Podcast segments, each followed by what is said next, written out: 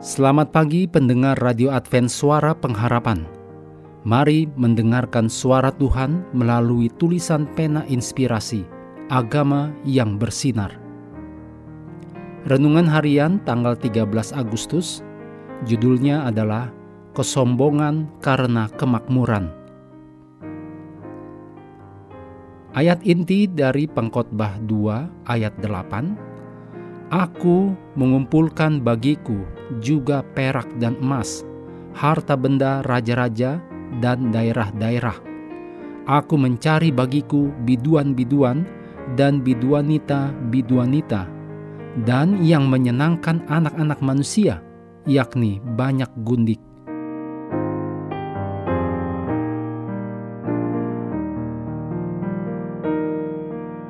Urayanya sebagai berikut mulia di masa muda, perkasa di masa dewasa, dikasihi Allahnya.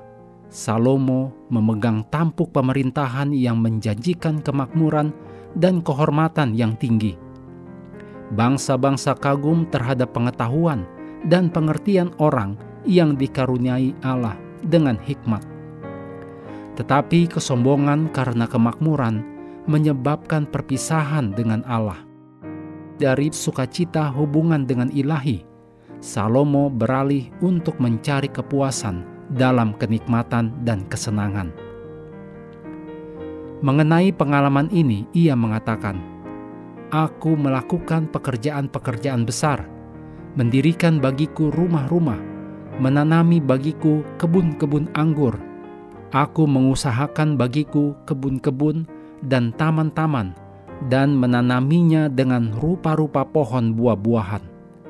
Aku membeli budak-budak laki-laki dan perempuan. Aku mengumpulkan bagiku juga perak dan emas, harta benda raja-raja dan daerah-daerah. Aku mencari bagiku biduan-biduan dan biduanita-biduanita dan yang menyenangkan anak-anak manusia, yakni banyak gundik.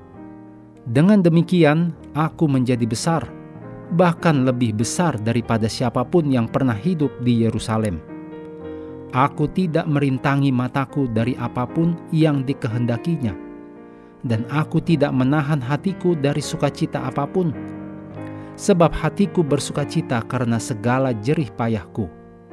Ketika aku meneliti segala pekerjaan yang telah dilakukan tanganku, dan segala usaha yang telah kulakukan untuk itu dengan jerih payah, lihatlah, segala sesuatu adalah kesia-siaan dan usaha menjaring angin. Memang tak ada keuntungan di bawah matahari. Lalu aku berpaling untuk meninjau hikmat, kebodohan, dan kebebalan. Sebab apa yang dapat dilakukan orang yang menggantikan raja hanya apa yang telah dilakukan orang.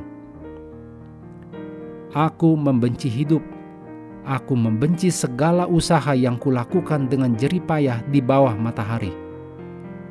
Demikian ditulis dalam Pengkhotbah 2 ayat 4 sampai 12, 17 dan 18. Dengan pengalamannya sendiri yang pahit, Salomo mempelajari kehampaan dari suatu kehidupan yang mencari kebaikan tertinggi dalam perkara-perkara duniawi. Demikian kutipan dari seri Membina Jilid 3, halaman 139 dan 140. Jangan lupa untuk melanjutkan bacaan Alkitab sedunia. Percayalah kepada nabi-nabinya yang hari ini terdapat dalam Mazmur pasal 99.